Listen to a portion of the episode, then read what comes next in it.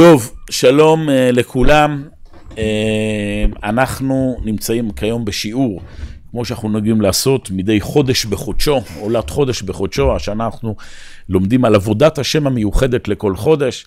אני אחזור פעם נוספת, כבר אנחנו ברוך השם, עכשיו חודש אדר א', זה כבר אחרי, למה, שישה חודשים או שבעה חודשים שאנחנו בחודש אלול. כבר אני עושים את השיעור הזה, אז כבר אני מניח שהפרינציפ הובן, אבל הרעיון הוא שחודשים בעם ישראל זה לא רק איזה 30 יום של מעגל שחוזר על עצמו, אלא חודש מלשון המילה התחדשות. טוב, אני לא אחזור לעיקרון, שזה הלבנה, הלבנה היא מתחדשת. בעם ישראל החודשים הם בעצם ביטוי להתחדשות של עם ישראל ושל המציאות כולה. שהעולם תמיד הולך ופורח למרות הקשיים, למרות שהלבנה כביכול דועכת במהלך החודש, כל חודש אנחנו ברוך השם מתחיים מחדש, ולכן לכל חודש יש את הזווית הרוחנית המיוחדת שלו, התחדשות מיוחדת של הנפש שלו, וזה משהו שהרבה לא מכירים. זאת אומרת, הרבה מכירים את הלימוד סביב פרשיות השבוע, מכירים את החגים כמובן, אבל צריך לדעת שבתורת הסוד בעיקר, חודשי השנה הם גם איזה ציר לימודי שכל חודש כאמור יש לו את המיוחדות שלו. ומי ש... עוד פעם, זה מופיע במספר ספרים בתורת הסוד, אבל הספר שאולי ככה אה, מרכז את הדברים בצורה היותר מובהקת, זה ספר שנקרא ספר יצירה, ספר קבלי שמיוחס לאברהם אבינו, ושם כל חודש הוא מביא את המידה המיוחדת לאותו חודש, מה... מה על מה צריך להתמקד בעבודת השם בחודש הזה, והוא מביא רמזים. איזה רמזים הוא מביא? הוא מביא אה, שלושה, תודה רבה, אה, שלושה רמזים. ראשית, הוא מביא לכל חודש איבר מגוף האדם. זה גם רעיון קבלי, שגוף האדם הוא איזה מיקרוקוסמוס של כל המציאות, כי האדם הוא עולם קטן, הוא נזר הבריאה, אז כל איבר בגוף האדם מבטא איזה רעיון. אז יש לכל חודש את האיבר המיוחד שלו, תכף נראה מה זה חודש אדר. על אותו משקל יש גם אות מיוחדת מאלף בית, כן, שמתאימה לחודש, גם האותיות זה איזה רעיונות רוחניים מרומזים. יש אה, שבט משבטי ישראל, נכון? 12 שבטים, אז לכל חודש יש את השבט שלו, ומכל הדברים האלה יחד, הוא כותב את זה בצורה מאוד מרומזת, ואנחנו פה בשיעור מנסים ככה לפתח את זה יותר, על מה אנחנו כאמור צריכים להתמקד בחודש הספציפי. וכעת כאמור הגענו לחודש אדר, ולא סתם אדר, השנה יצא לנו אה, אדר א' ואדר ב', שנה מעוברת, כן? אה, אני מודה, אספר לכם פה מאחורי הקלעים, שאני כבר שנה שעברה חשבתי ללמד את הסדרה הזו של חודשי השנה, אבל אמרתי, לא, נחכה לעוד שנה, לשנה מעוברת, שככה יהיה לנו 13 שיעורים, לא 12 שיעורים, שככה יישאר ברשת את הסדרה הזו לגם לימים של שנה מעוברת. אה, אני לא אכנס עכשיו מה זו שנה מעוברת, אנחנו בעזרת השם נלמד שנגיע עוד חודש לאדר ב'. אז uh, נתעסק שם מאיפה בכלל כל הנושא של עיבור שנה, אבל כהנחת מוצא. יש שנים, כמו השנה, שיש לנו 13 חודשים, חודש אדר א' ואדר ב'. טוב, אז בתוך המכלול הזה, מה הרמזים של uh, חודש אדר א'? אז הנה, אני נותן פה את הדברים בראשי פרקים, והשיעור אנחנו נסביר. Uh, המידה המיוחדת לאדר בכלל ואדר א' בפרט, זו על פי ספר יצירה, מידת הצחוק. רגע, צחוק, תכף נדבר. יש עבודת השם מיוחדת לנושא הזה של צחוק והומור. מבינים לבד מאיפה זה מגיע, כולנו יודעים, חודש אדר, מי שנכנס אדר, מרבים בשמחה, אנחנו מיד מחברים את זה לצחוק ולבדיחות הדת, וכולנו יודעים למה, כי בחודש אדר יש לנו את חג פורים. בחג פורים קרה את המציאות של נהפוך הוא, כן, ישלטו היהודים הם בשונאיהם, קורה פה איזה משהו שמשנה את המצב, ושינוי מצב גורם לנו לצחוק. תכף נסביר למה, אבל מכל מקום, חודש אדר זה חודש הצחוק, חודש השמחה, איך שלא נקרא לזה. אה, האיבר בגוף האדם שמקביל לצחוק, יש כאן מישהו יודע, ככה מקובל בשעות הפנאי. אז תדעו, איבר, לא תעלו על זה לבד, האיבר, איך, מה? אתה לא, אתה מקובל בשעות הפנאי, אתה אומר, אבל אתה לא, במקרה, את ה... לא היית באותו יום בבית ספר. אז האיבר בגוף האדם שמקביל לחודש אדר, זה איבר הטחול. בסדר? טחול, תגידו מה, למה לא טחול, למה לא אה, מעיים, למה... אז ככה, הגמרא אומרת, טחול שוחק. יש משהו בטחול שהוא אחראי על הצחוק. בזמן חז"ל, אני, עוד פעם, הם חשבו אפילו שזה משהו פיזיולוגי, ש, שכל איבר אחראי על איזה תכונה נפשית. אני לא יודע אם, זה היה המדע באותם זמנים. היום אנחנו יודעים שמבחינה מדעית זה לא עובד ככה, אלא יש את הנפש, היא לא תלויה באיבר מסוים, אבל מכל מקום, חז"ל ברמז אמרו שהטחול הוא אחראי על הצחוק. למה? אז פה, תראו, אני לא מבין כל כך באנטומיה של גוף האדם, אבל הבנתי שהטחול זה איבר שבאיזשהו מקום אחראי על, על מחזור הדם. הוא מנקה את הדם, מערכת הלימפה, אל תשאלו אותי מה זה, אני הסתכלתי ויקיפדיה, אני לא, לא רופא ולא זה, אבל יש שם איזה משהו בטחול שהוא אחראי על איזה... אה, אה, מערכת הדם שהיא תהיה נקייה, מה שנקרא, יש תאי דם, לבנים, אדומים, הזנה. והגמרא אומרת, לא רק שטחול שוחק, אלא הגמרא תולה גם את העצב בטחול. חז"ל שהם רוצים להגיד על מישהו שהוא מריר, מישהו שהוא כזה אחד מתוסכל, דיכאוני. טוב, לא אגיד מה שבא לי להגיד, את ה, איזה מישהו, תופעה פוליטית שמשדרת אנשים דיכאוניים ומרירים, אז הם קוראים לזה עציבו דטחול. בעלי העצב של הטחול. וגם הטחול הוא שוחק. יש משהו בטחול שכנראה חז"ל הקבילו, זה שהוא מטהר את הדם, זה שהוא אה, יוצר ניקוי של הדם, שזה כאילו המעבר בין עצב לצחוק. כן, הרי מה זה בעצם עצב? זה סוג של כזה מועקה. וצחוק זה משהו שמשחרר, כאילו חופשי, נותן לה, למחזוריות של החיים להופיע בצורה יותר אה, משוחררת. אז זה הרעיון של הטחול. והשבט משבטי ישראל, אה, סליחה, האות, האות שמיוחדת לחודש אדר, כותב ספר יצירה, זה האות ק'. למה אות ק'? כקוף אחרי בן אדם. יש ביטוי מאוד יפה של חז"ל, אדם בפני שכינה, המערכת היחסים של האדם כלפי הקדוש ברוך הוא, זה כמו מערכת היחסים של קוף בפני בן אדם. שכינה, אדם בפני שכינה כקוף בפני אדם. מה זה קוף? קוף זה בעל חיים שכבר בזמן חז"ל, הם לא הכירו אותו כמו בימינו, לא, לא היה להם גני חיות, גן החיות התנ"כי וכולי, אבל uh, עדיין, uh, היה פה ושם, uh, הם היו מברכים על זה, משנה, לא יודע, משנה הבריות, זה היה משהו מאוד משונה לראות קוף. קוף זה בעל חיים שהוא חקיין, נכון? הוא, הוא עומד בפני האדם ועושה את הפרצופים, זה מצחיק אותנו. נכון, תשימו לב שקוף זה גם בתרבות, תכף נדבר על תולדות ההומור ב... בהיסטוריה, קוף הוא באיזשהו מקום נתפס כמשהו שייך לקרקס כזה. משהו, נכון, מצחיק. למה הוא מצחיק? כי הוא מחקה אותנו. הוא, הוא, הוא בן אדם, אבל לא בן אדם. כן, הוא עושה ככה, בננה, ו... יש משהו בקוף שהמצב של האדם בפני הקדוש ברוך הוא זה כמו קוף בפני בן אדם. זאת אומרת, כמו שהקוף הוא מנסה לחקות את האדם, ככה גם אנחנו מנסים לחקות, מנסים להידמות לבורא, וזה קשור לצחוק. שוב, אנחנו נדבר על זה בשיעור, איך הצחוק וחודש אדר וכל המציאות כאן, זה משהו שגורם לנו להידבק, לחקות את השכינה. טוב, הכל רמזים פה, חברים, אנחנו פה לא, כן, את הנושא עצמו אנחנו תכף נדבר, אבל רק כדי שנרגיש מקובלים, וככה אנחנו נוכל אה, להתנשא על ידידינו ולהגיד, ידעתם מה האות המיוחדת לחודש אדר? אף אחד לא יודע, תגידו קוף, אתם יכולים להגיד איזה אות שתגידו, אף אחד לא, לא יגיד לכם מילה.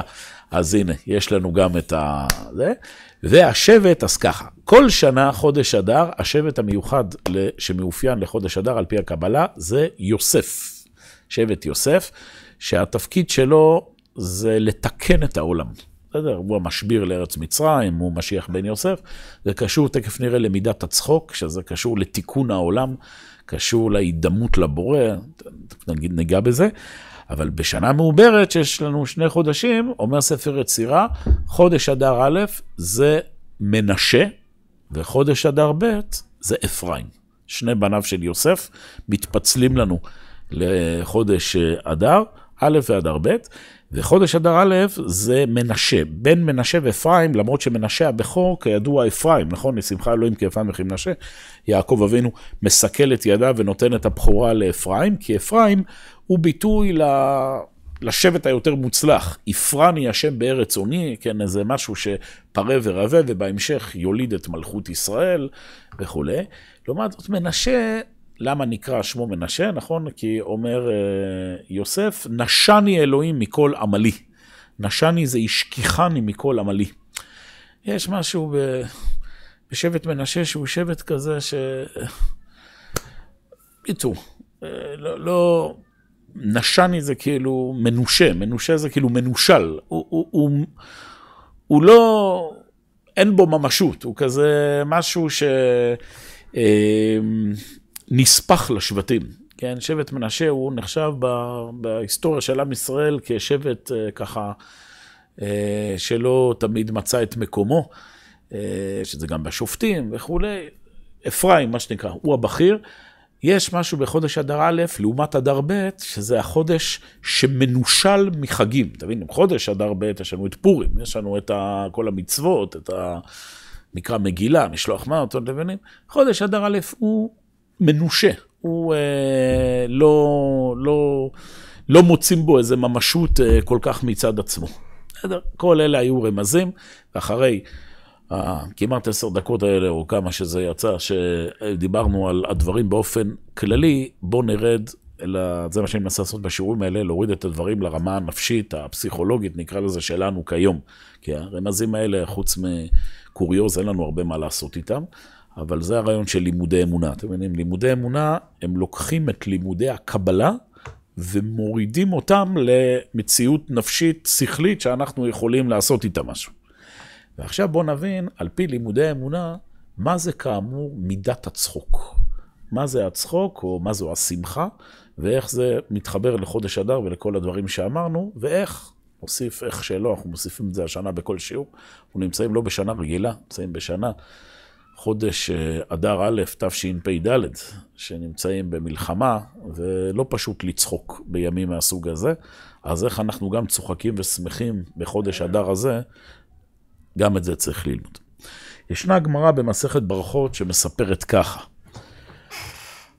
אמרו לי רבנן לרבונה זוטי, אמרו חכמים לרבונה הקטן. רבונה, רבונה גדול, רבונה קטן, ככה הבדילו ביניהם. לישרלן מר, תשאיר לנו משהו. מסבירים המפרשים, הם ישבו באיזה חתונה, באיזה אירוע של סעודת מצווה, וחכמים פנו לרב הונא הקטן, הוא כנראה היה מה שנקרא הצעיר שבחבורה, כן? טוחנים אותו צעירות. אמרו, יאללה, תשמח אותנו, אתה אחראי על התוכנית האומנותית, תצחיק אותנו, תעשה ש... תשעשע אותנו. ואז נספר את הגמרא, התחיל רב הונא לשיר להם, ואילן דמתנן, ואילן דמתנן. אוי לנו שאנחנו הולכים למות, אוי לנו שאנחנו הולכים למות. תודו שזה דרך מקורית לשמח ולהצחיק אנשים בחתונה. כנראה טוענים שזה המקור לשירי הדיכאון, הם שהם מכיר, יש בחתונות שכאלה, זה, זה כנראה התחיל אז. ואז... מתו מצחוק, בדיוק. אז אומרים שחכמים אמרו לו, ואנן מה נענה בטרח? ואנחנו מה נגיד אחריך? הרסת לנו את התיאבון, באנו פה לשמוח, לצחוק, ואתה מספר לנו שאנחנו הולכים למות. אמר להם רבונה, טענו אחריי, היי תורה ואי מצווה דמגנה עלן. יש תורה ויש מצוות שמגינות עלינו.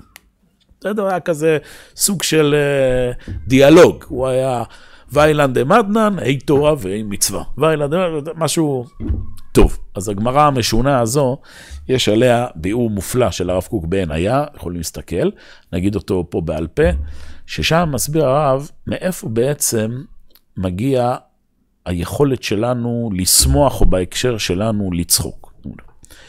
שמחה זה משהו כללי, זו תחושה נפשית, שקשה מאוד אה, לבודד אותה. מתי בן אדם שמח? אבל יש לנו איזו אינדיקציה מתי בן אדם הרבה פעמים, זאת אומרת, לא תמיד, אבל אינדיקציה שבן אדם נמצא במצב רוח טוב, שמח, בדיחות הדעת, שהוא צוחק. נכון? צחוק זה פעולה פיזיולוגית. יש איזה לחץ בריאות מהשרפת, ומשתחרר כזה קול מה, מהפה שלנו, מהשפתיים, מה... הא משהו כזה. מתי אנחנו צוחקים? אז נכון שלפעמים אנחנו צוחקים ממבוכה, ולפעמים אפילו הפוך על הפוך, אדם צוחק מסוג אה, של כאב, יש גם דברים כאלה. אבל על פי רוב, בן אדם צוחק שמשהו משמח אותו, משהו מצחיק אותו. ננסה לנתח פסיכולוגית, תנסו כל אחד פה, מתי משהו מצחיק אותנו? תשובה, אני אחסוך לך. מצחיק אותנו כאשר מתרחש משהו מפתיע באופן קיצוני בחיים שלנו. אנחנו חווים איזושהי חוויה שציפינו שהיא תתנהל באופן מסוים, ופתאום זה השתנה. דוגמה, אם אנחנו רוצים להצחיק תינוק, איך מצחיקים תינוק? יש כמה שיטות, כן? הזכרנו קודם על קוף, קוף בפני אדם, נכון? קוף יכול להצחיק תינוק, אבל לא רק קוף. גם כשאנחנו רוצים להצחיק תינוק, מה אנחנו עושים? למשל, אנחנו עושים לו פרצוף. כן? משהו. התינוק רגיל לראות את הפנים שלנו באופן מסוים, את הפנים של אבא אימא באופן מסוים, ועכשיו הפנים משתנות באופן קיצוני.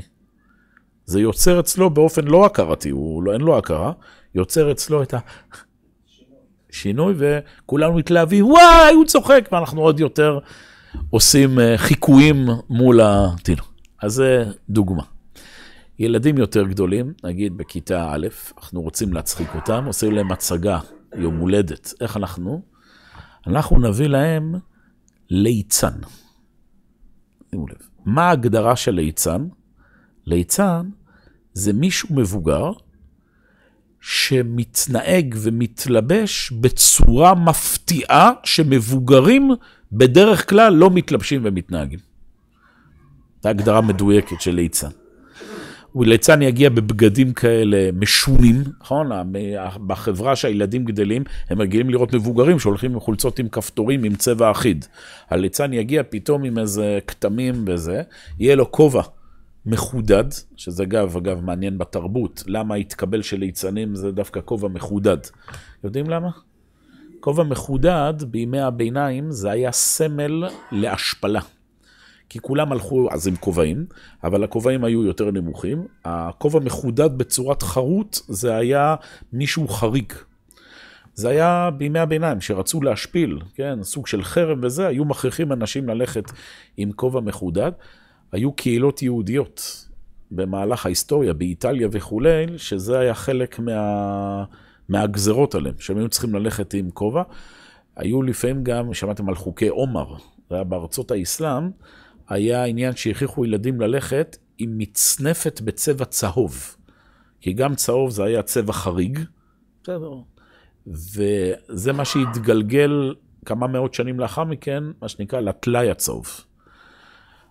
החרגה של מישהו, זה יוצר הפתעה. ממילא זה יוצר גיחוך ולצחוק עליו. ליצן, הוא מגיע בבגדים מגוחכים, ואז הוא עושה הצגה לילדים. מה זה הצגה קלאסית להצחיק ילדים? הוא למשל מביא עוגת קצפת, ובום, מלביש את זה על הפנים שלו. בסדר, אגב, כל סרטי ההומור בתחילת המאה, שהתחיל הקולנוע, שעוד לא היה מלל, אלא היה רק אה, מה שנקרא ריאנוע, היה רק אה, תמונות, זה היה הקלאסי, זה הצ'רלי צ'פלין וכל זה הבדיחה הקלאסית. הופ, הוא מתיישב על אה, מגץ חם, הופ, הוא אה, נופל על מסמרים, הופ, עוגת קצפת בפנים. שוב, זה מפעיל באופן תת-הכרתי את ה... כן, את הצחוק, כאילו, השתנה פה משהו. איך מצחיקים אנשים מבוגרים? אותו עיקרון. למשל, מחקים פוליטיקאי. מה הפסיכולוגיה שעומדת מאחורי זה שאנשים צוחקים שמחקים פוליטיקאי? פוליטיקאי זה מישהו שאמור לבטא רצינות. אתה מבין? מישהו לצורך העניין אה, ממסד, אה, עם מישהו עם כוח וזה. אנחנו עכשיו, מגיע שחקן, הוא מחקה את הפוליטיקאי. מה הוא עושה? הוא פשוט לוקח איזה הוויית פנים או איזה תנועת גוף שקיימת לכל אחד, והוא מקצין אותה. כן, נגיד לצורך העניין הפוליטיקאי, הוא מדי פעם אה, עושה ככה, נוגע עם היד באוזן, באיזו תנועה לא רצונית. אז בחיקוי, אנחנו פשוט נגזים עם זה, נכון? אנחנו נעשה ככה. ואז בעוד פעם, בראש של הצופים, אז הם יודעים שהשחקן הוא לא פוליטיקאי, אבל הצחוק לא עובד על שכל, הצחוק עובד על איזה אה, חוויה של דמיון. הוא מזכיר לי את הפוליטיקאי, והוא מתנהג בצורה משונה ומפתיעה, כן, עושה ככה, אומר שטויות וכולי, אז אני עכשיו צוחק. במילים אחרות, אם אני אתמצת את הרעיון שמסביר ספר יצירה והרב קוק, צחוק זה צירוף של שתי מילים.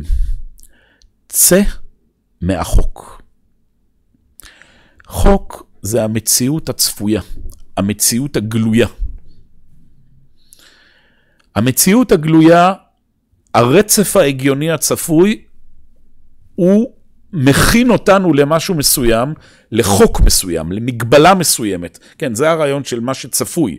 כאילו, יש כאן איזו תבנית ידועה מראש, וברגע שזה נשבר, יוצאים מהחוק, זה נותן לנו תחושה שאנחנו קוראים לה שמחה. אנחנו רוצים לצאת מהחוק. בהערת סוגריים, זה הרציונל הפסיכולוגי מאחורי כל בדיחה. מה זה בדיחה? בדיחה, אני מספר סיפור, אני יוצר ציפייה לסוף מסוים, ואז בשנייה האחרונה, שובר. קוראים לזה פאנץ', מכה. זה שבירה. למשל, הבדיחה הקלאסית, כומר, קאדי ורבי עולים לרכבת. בסדר? בהערת סוגריים, בתוך הערת סוגריים, בדיחה בדרך כלל שהיא בנויה על סיפור, אגב, היום רובנו כבר לא מספרים אה, סיפורים, כי לאנשים אין כבר כוח. את הבדיחות החליפו ממים באינטרנט, כאילו איזו תמונה עם איזה כיתוב שנון, אבל המקור, אמ, תמיד כשמספרים סיפור ואתה רוצה ליצור ציפייה שבסוף תהיה שבירה, אתה משתמש בשלוש, במספר שלוש. נכון? הכומר עשה כך וכך, אוקיי. אכדי עשה גם כך וכך, אמר כך, ואתה מבין, אתה, אתה כבר נמצא באיזה התניה, ואז מגיע הרבי, והוא, תלוי, מי שמספר את זה נוצרי, אז הכומר הוא השלישי, מספר את זה מוסלמי, אכדי הוא השלישי, בסדר? והזה בסוף, הוא פתאום עושה משהו מפתיע, מה שלא צפוי, וזה מצחיק אותנו. בני האדם מאוד מאוד רוצים לצאת מהחוק. זה מה שנותן להם תחושה, טחול שוחק. בדרך כלל אדם, כמו שאמרנו, חז"ל אומרים שהאדם יש לו איזה סוג של עצב, עציב עד הטחול, הם תולים את זה בטחול, כאילו שבן אדם נמצא באיזה חיים, בשגרה, אין לי כוח כל יום, חדשות, קשיים, בלאגנים, והנה אני פתאום צוחק. כן.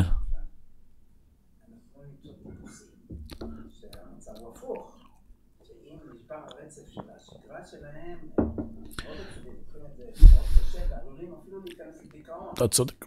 תכף, בדיוק, תכף נדבר. בדיוק זה הדבר הבא. איך לוקחים את הצחוק? זה בדיוק הנקודה. צחוק זה לא, אנשים חושבים שצחוק זה, זה תרופת קסם, זה לא בדיוק. זה מאוד תלוי מה, בשביל מה אנחנו צוחקים ומי צוחק. אבל לצורך העניין אני חוזר לעיקרון, חודש אדר זה חודש הצחוק.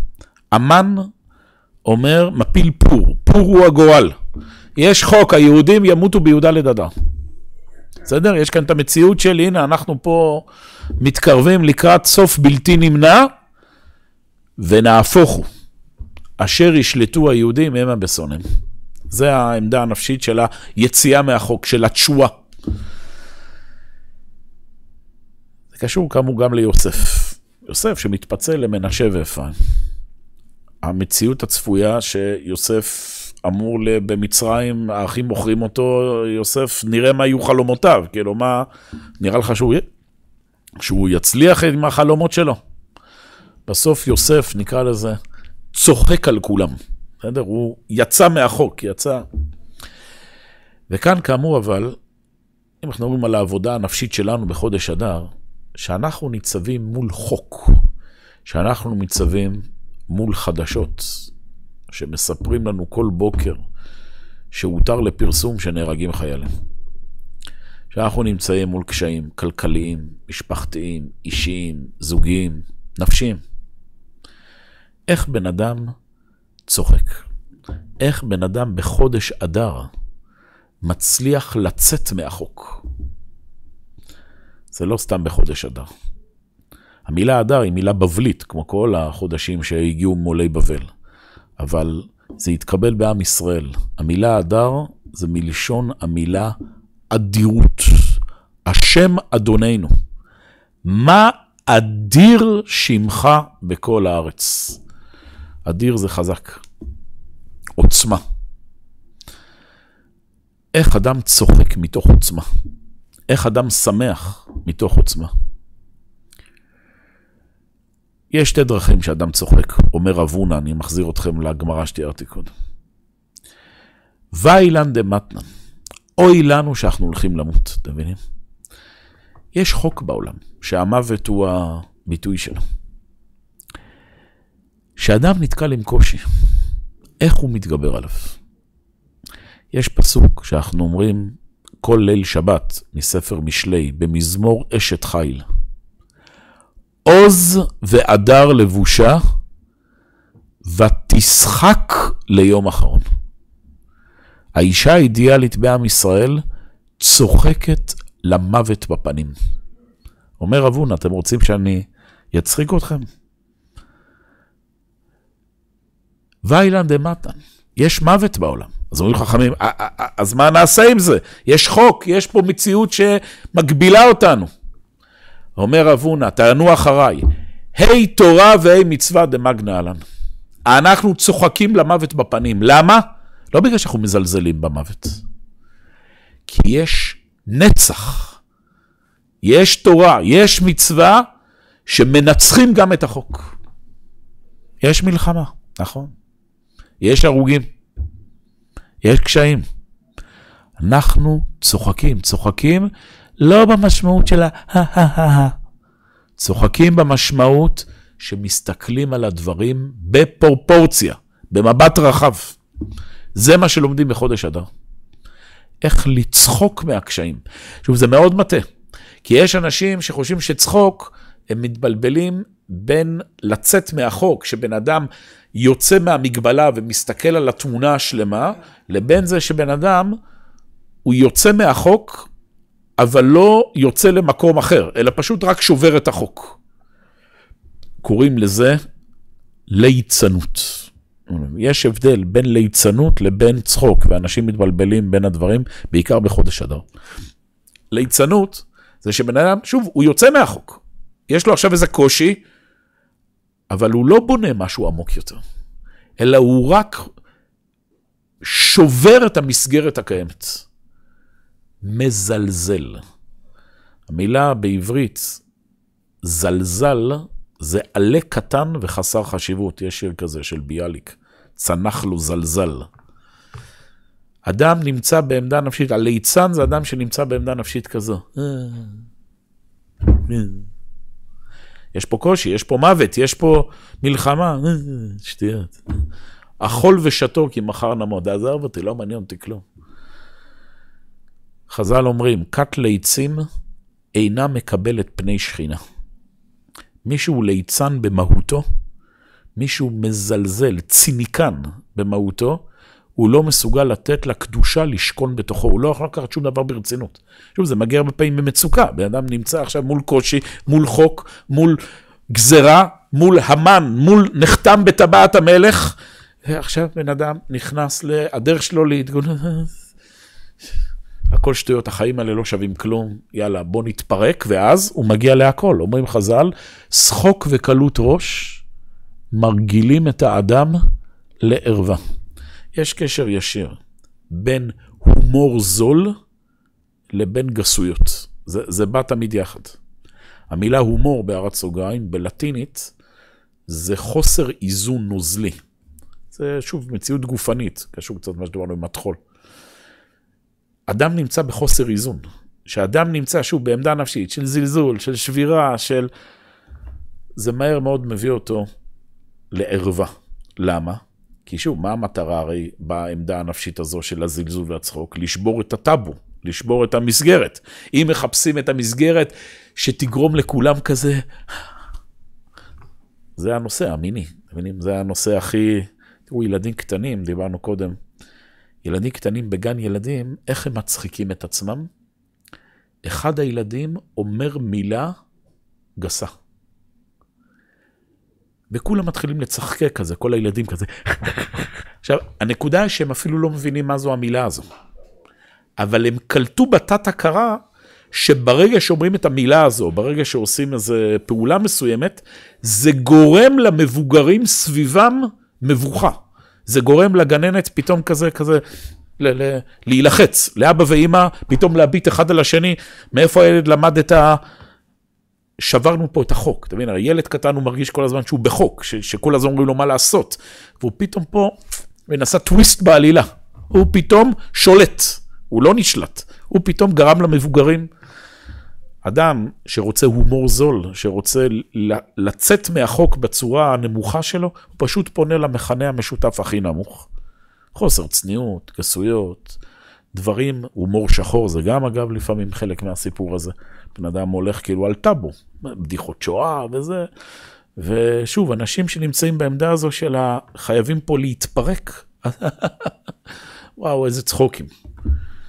אבל מה יוצא מזה?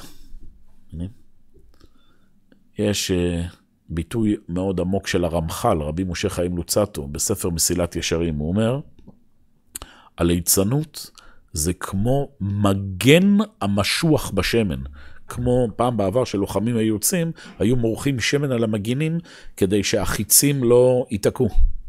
הליצן זה מישהו, אתם מבינים, הציניקן, הזלזלן, זה מישהו שבנה לעצמו מנגנון הגנה. הוא לא צריך לקחת שום דבר ברצינות. אומרים ביקורת, יש פה איזשהו קושי, הוא מצא פתרון. מבינים? זה, זה היום ה...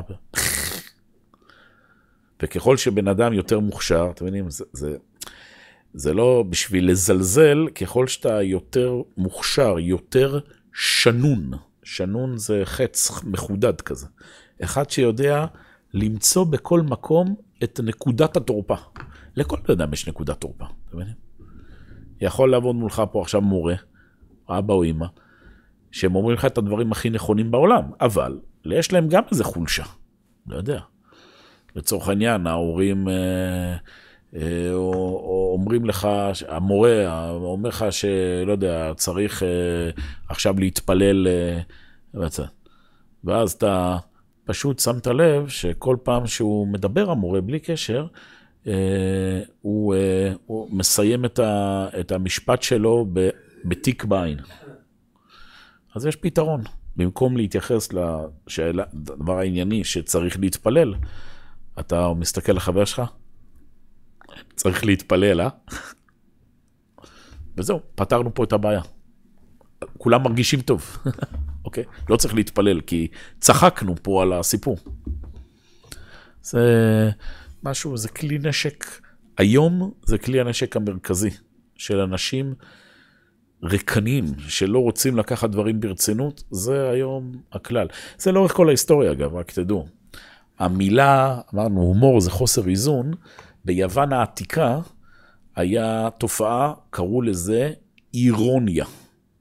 אירוניה ביוונית זה תמיהה מדומה.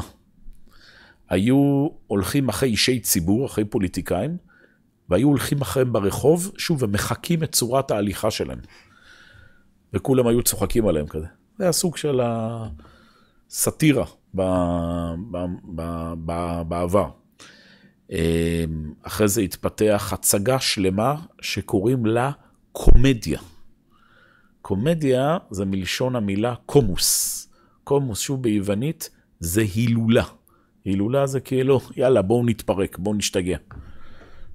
הקומדיות העתיקות היו כמו הצגות של ילדים בגן. זאת אומרת, היו, שוב, עושים כל מיני פעולות גופניות כאלה, שירותים, וזה הצחיק שוב את הקהל, כאילו, כי לא אמורים לעשות את זה ברבים. אז עכשיו עושים את זה ברבים, אז אה, וכולי. זה הלך והתפתח הלאה עם הזמן. יש את הקרקס, סירקס, שעון סירקל, סירקל זה מעגל, היו מתכנסים בעיגול והיו מביאים או ליצנים או דברים משונים. פילים, אז היה נחשב משהו משונה, אנשים עם עוויתות גופניות, מישהו בלי יד, עם רגל קצרה, זה הצחיק אנשים, קראו לזה פריק שואו. כאילו, תראו אותו, משהו פה משונה. וזה, בדור שלנו, זה הלך והתפתח, אתם מבינים, בהתחלה היה מה שנקרא סאטירה פוליטית, לצחוק על הפוליטיקה, אה, יש סרטי קומדיה, אה, יש סדרות קומדיה, כן? קוראים לזה, שימו לב, קומדיית מצבים. comedy situation, situation comedy. זה בקיצור סיטקום, ככה זה נקרא. situation comedy, שזה מי שפעם ראה, זה עוד פעם, מביאים אנשים להצגה עם כל מיני סיטואציות מצחיקות, ודבר מאוד חשוב, אם אתה רוצה שהקומדיית מצבים שלך תצליח, מה אתה צריך לעשות ברקע כל פעם שיש בדיחה? להשמיע פסקול מוצח... תנסו פעם להסתכל על, אה, על אה, קומדיית מצבים בלי הפסקול, תראו שזה לא מצחיק. זה, זה הכל, לדגדג אנשים, לצאת מהחוק, לצאת מה...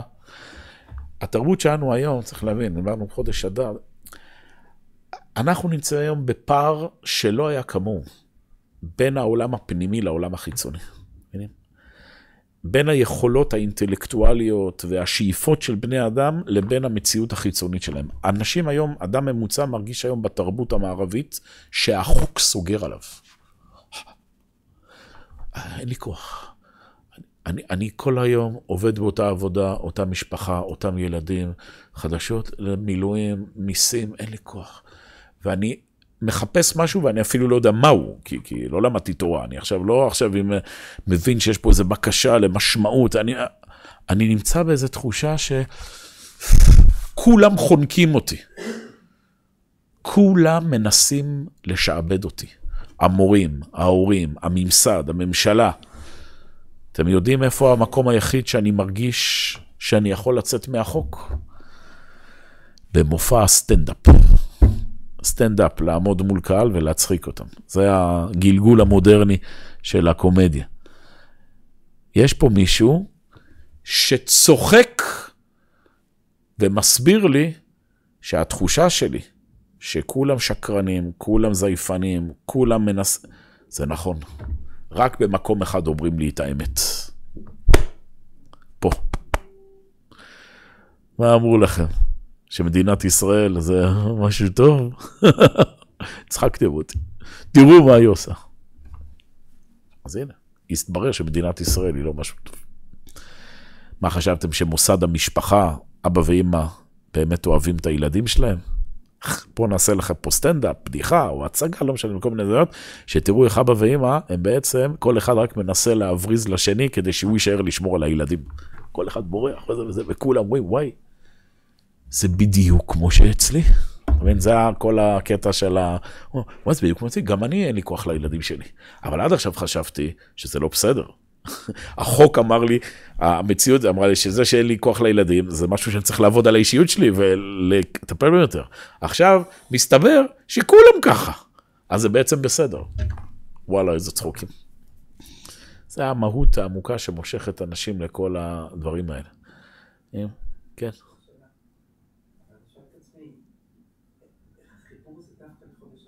אני אומר, חודש אדר זה החודש, תקף.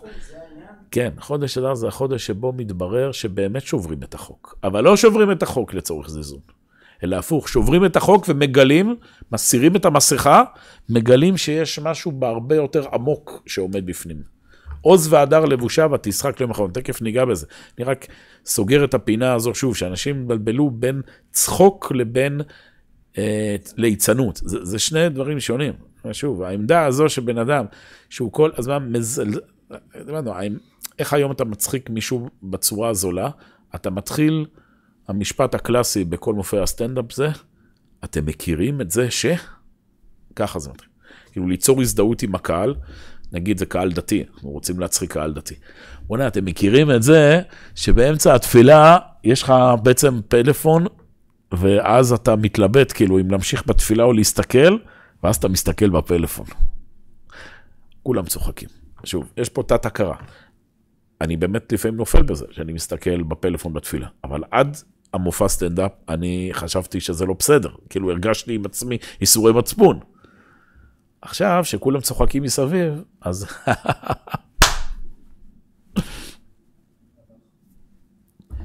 העמדה הנפשית של חודש אדם זה בדיוק הפוך. עמדה הנפשית של חודש אדר באה לומר, תקשיבו טוב, יש מציאות של מוות. יש מציאות של חוק, יש מציאות של שבט מנשה, נשני אלוהים מכל עמלי. המציאות פה נראית כמתפרקת, אבל תדעו, אפשר לצחוק. רבי עקיבא הולך ורואה שועל שיוצא מבית קודשי הקודשים. הוא צוחק. שואלים את החכמים, למה אתה צוחק? אומר רבי עקיבא, מקום שהתקיימה הנבואה, שועלים ילכו בו, או תתקיים הנבואה, עוד ישבו זקנים וזקנות בחוצות ירושלים, ונערים משחקים ברחובותיה. צחוק, משמעות עמוקה, זה לראות את הדברים מעבר למציאות הגלויה. נכון, יש עכשיו קושי, אבל יש משהו יותר חזק מהקושי, גם מהמוות. עוז והדר לבושה. שיש עוז, יש הדר, יש אמונה, יש נצח ישראל, אנחנו נתגבר על כל הקשיים. ייקח כמה שנים, ייקח דורות, אבל אנחנו נצחק שבית המקדש יהיה קיים.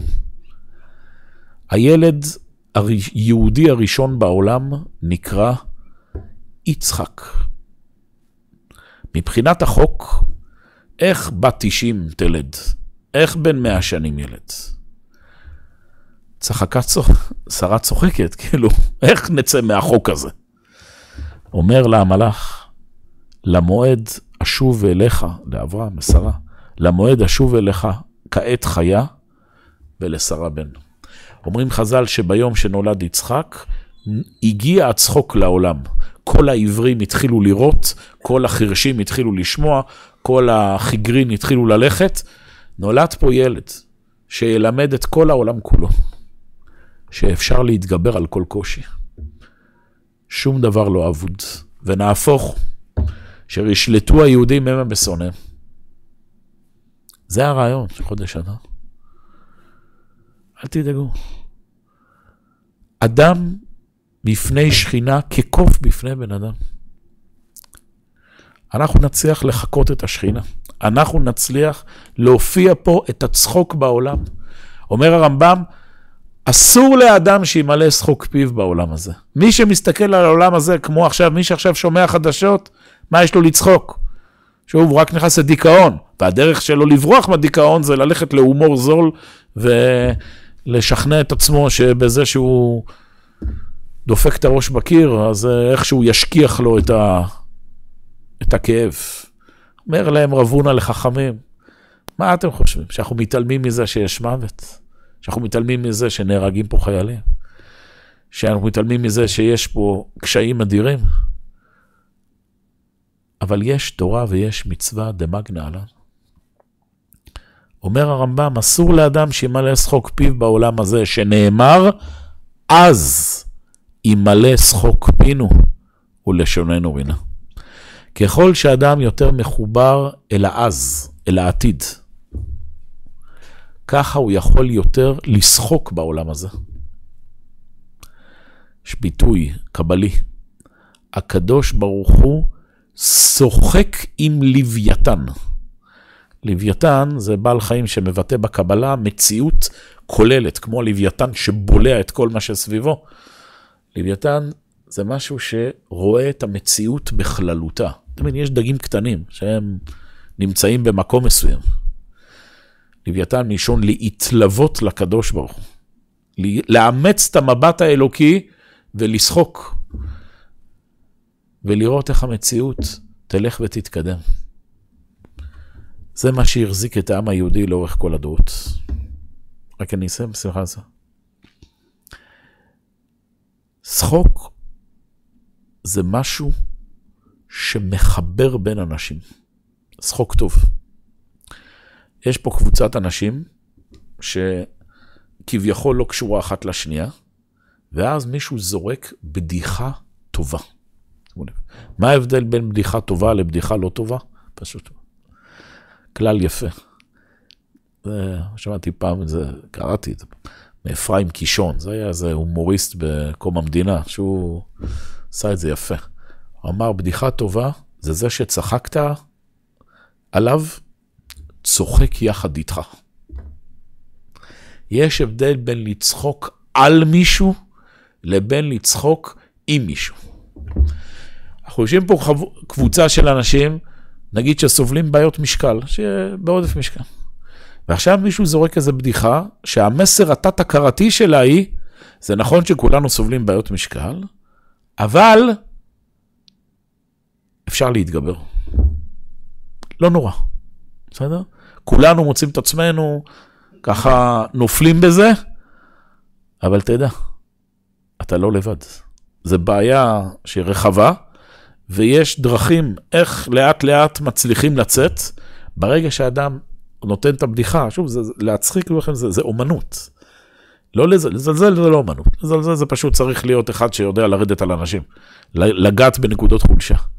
להצחיק זה לזהות בדיוק את הנקודה שהיא מה שנקרא נוגעת באיזה משהו פנימי, היא שוברת את המעטפת החיצונית ונותנת חיבור לכולם.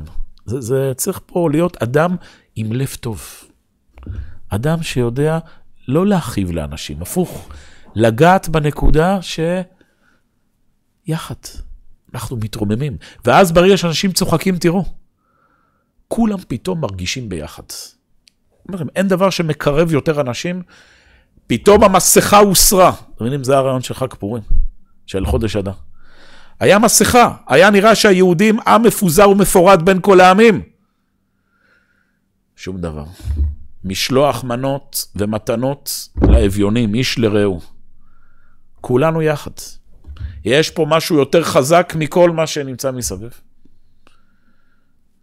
שאמרתי, זה אומנות לדעת להצחיק. מי שיעבוד טוב בחודש אדר, יתחבר לעולם הפנימי, הוא ידע להצחיק. עם התלמידים שלי, אני עושה איתם אה, תרגולות איך להצחיק. פשוט רק כדוגמה שתבינו את העניין.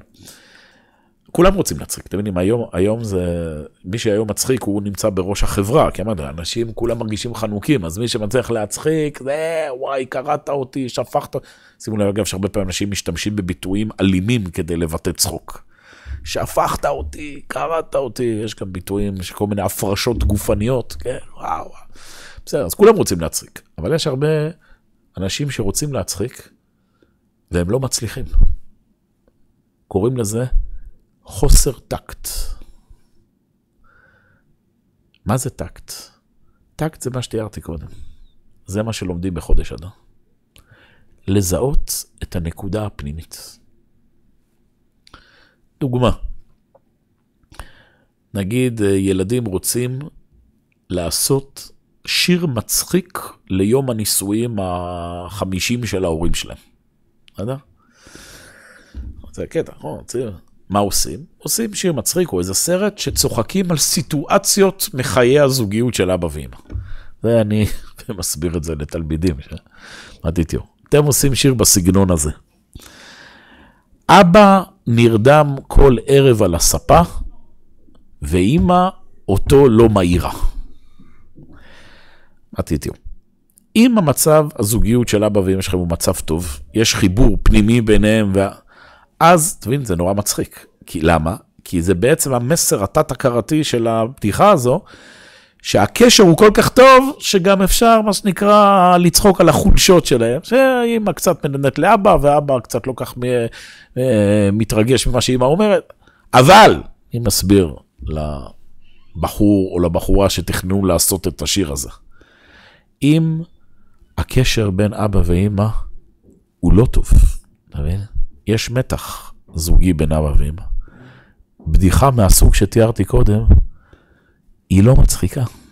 אתם כמו פיל בחנות חרסינה, אתם מבינים, אתם נכנסים פה לאיזה, לאיזה נקודה, אתם שוברים חוק, אבל אתם משאירים את כולנו ככה.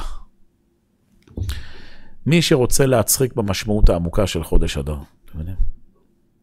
צריך להיות אדם עם פנימיות. אדם שיודע לזהות שיש חוק, יש מגבלה, ועם כל זה, יש משהו עמוק יותר. זה התפקיד של עם ישראל בעולם. עם ישראל, כמו שאמרנו, הילד היהודי הראשון נקרא יצחק, ולעתיד לבוא אז ימלא שחוק פינו, אבל גם מבחינה סוציולוגית, פסיכולוגית. עם ישראל זה עם שתמיד הצטיין בהומור. הומור יהודי. יש ספר, נקרא ספר הבדיחה והחידוד. זה ספר שכתב אותו משכיל יהודי לפני מאה שנים בשם דוריאנוב. הוא קיבץ שם איזה אלף בדיחות של יהודים ברחבי הגלות, שמה, מה שאמרתי לכם קודם, רבי, כומר וקאדי עולים לרכבת, זה, זה הכל לקוח משם. אבל יש לו הקדמה נפלאה לספר, ממליץ לכם uh, להסתכל. בהקדמה הוא כותב שהעם היהודי תמיד יציין בהומור, ואיזה הומור? מה, הומור יהודי, זה מושג, תראו לך, הומור יהודי. גדולי הקומיקאים בעולם הם יהודים בדרך כלל. במה, במה מצטיין ההומור היהודי? הומור עצמי. היהודים ידעו תמיד לצחוק על הסיטואציה שהם נמצאים בה. יהודי לפני 500 שנה, שנמצא ב... לא יודע, שם אי שם ב... עם איזה פריץ שמרביץ לו לאורך כל השבוע, מה נשאר לו ליהודי? להישאר שם בין מנחה למעריב ולהריץ צחוקים על הרשלי מאסטרופולי. אתם מכירים את הסיפורים של הרשלי מאסטרופולי? יש לכל אחד את ה... איך שהרשלי מאסטרופולי עבד, סליחה, עבד על הפריץ. יש פה איזה שנייה, שוב, שהוא מרגיש שולט ולא נשלט. ההומור היהודי במשמעות העמוקה, לא רק בבדיחות, היכולת גם במצבים קשים, לדעת שתשועתם הייתה לנצח ותקוותם לדור ודור. ולמרות שנשני אלוהים מכל עמלי, עוד יפרני השם בארץ עוני. ושלעתיד לבוא, ימלא שחוק פינו ולשוננו רינה. זה העמדה הנפשית שצריך לאמץ כל השנה, ובעיקר בחודש אדר. ובעיקר, בעיקר בחודש אדר תשפ"ד. זה, איך עושים את זה? אז אני לא עכשיו אה, מציע לכולכם להתחיל לקרוא ספרי הומור או לראות מופעי סטנדאפ, אבל כדאי יותר ויותר, מי שרוצה לדעת להצחיק, המשמעות שאני מדבר עליה. להצחיק זה לא שאנשים עושים את ה-ה-ה-ה. להצחיק זה לתת לאנשים תקווה. לתת לאנשים אופטימיות. איך עושים את זה? אמונה. זה האנשים המצחיקים באמת. ולעתיד לבוא אתם תראו, כל מה שיש היום סביב מופעי הסטנדאפ, שאנשים אה, רצים לזה, זה תחליף זול למה שאנשים ירוצו. הנה ימים באים נאום השם והשלכתי. לא רעב ללחם ולא צהלה מים ולא ריצה למופעי סטנדאפ, אלא לשמוע את דבר השם. ועתידים כל קרקסאות ותיאטרות להפך, איך זה הולך שם משפט? לבתי מדרש, משהו כזה. קרקס, אתם מבינים? העמדה הנפשית הזו של ה... זה מה שילך ויהיה. ככה זה היה, וככה בעזרת השם יהיה גם בימים ההם בזמן הזה. כן, שאלה לסיום. ברור שנצליח. פשוט שנצליח, כן.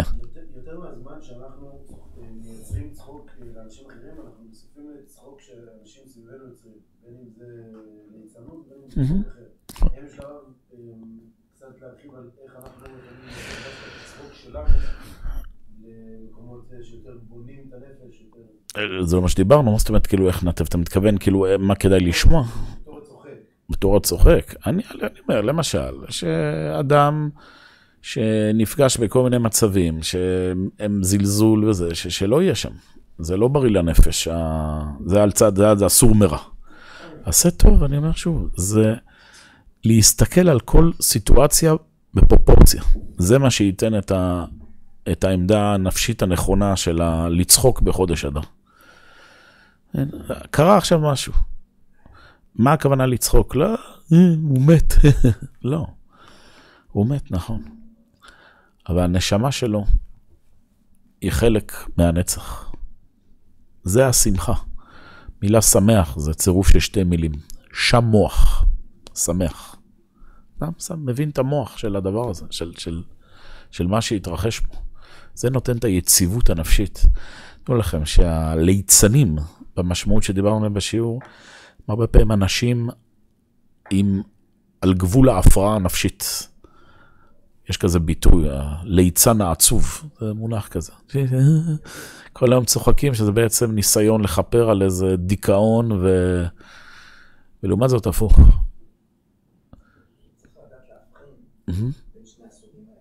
נכון, אני אומר, צריך לדעת להבחין. אני אומר, ההבחנה היא, שוב, האם אתה רואה בן אדם שהוא פוגע אחרים בהומור שלו ובצחוק שלו, או שהפוך, אדם שהוא מחבר אנשים בהומור ובצחוק שלו. וכשאני אומר מחבר, זה לא אה, כולנו יחד עכשיו בוא נעשה חטאים, אלא מחבר למשהו אמיתי, לאיזה ערך גדול.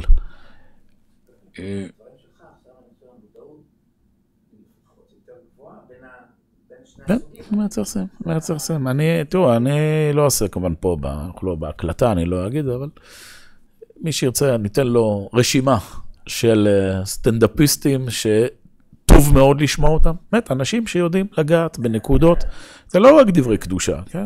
אדם שיודע להגיד, יש פה סיטואציה מסוימת, נכון, קשיים עם מתבגרים, קשיים עם עצמנו, קשיים זוגים, ואדם מאיר אותם בפרספקטיבה, לבין כאלה שממש הפוך, ממש הפוך. ואחד המדדים אמרנו, זה חוסן גם. שוב, איך בן אדם מתמודד עם, עם קושי? אמרנו את החודש אדר, אדר, השם אדוננו מאדיר שמך בכל הארץ, יש בגמרא עוד ביטוי.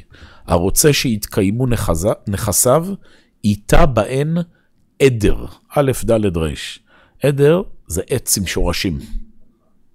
אדם רוצה שיהיה, שזה השדה שלך, שים פה מה שנקרא טיטה פורץ. זה קשור לאותה עמדה. עמדה. אדם שרוצה שיתקיימו נכסיו, רוצה שבאמת שהמציאות תלך ותצליח, שיזכור תמיד. עדר, זה עץ, עוצמה, אדירות. יש, יש אלוקים, יש נצח. לא להתרגש עכשיו מכל הליצנות והראשים מסביב. מי שמחובר לזה, בטח שהוא צוחק. טיפוס, יודע לצחוק, תראו, גדולי, טוב, לא נגיד פה גם שוב שמות, אבל אפילו פה במכון מאיר, יש רבנים מצחיקים חבל על הזמן. גדולי ישראל יודעים להצחיק. עוד פעם, לא במשמעות של הבדיחות והומור זה. יודעים, אתה רק קורא אותם, אתה מתחיל לחייך. אני יכול להוסיף, כמו שאמרנו, ששכינה בפני אדם, אה, אדם בפני שכינה כקוף בפני בני אדם, גם כשאנחנו רואים רב, אנחנו מרגישים כקוף בפני בן אדם. יש רבנים מסוימים שאולי להגיד לכם את השם, איך שאני רואה אותם, אני מחייך. אני רואה מולי תקווה מהלכת, אמונה מהלכת.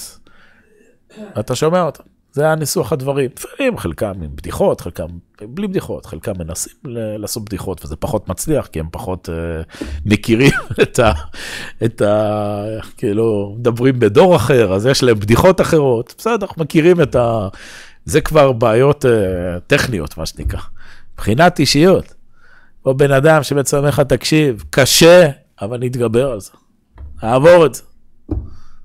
זה, זה המסר. שמו. שיהיה לכולנו חודש נפלא.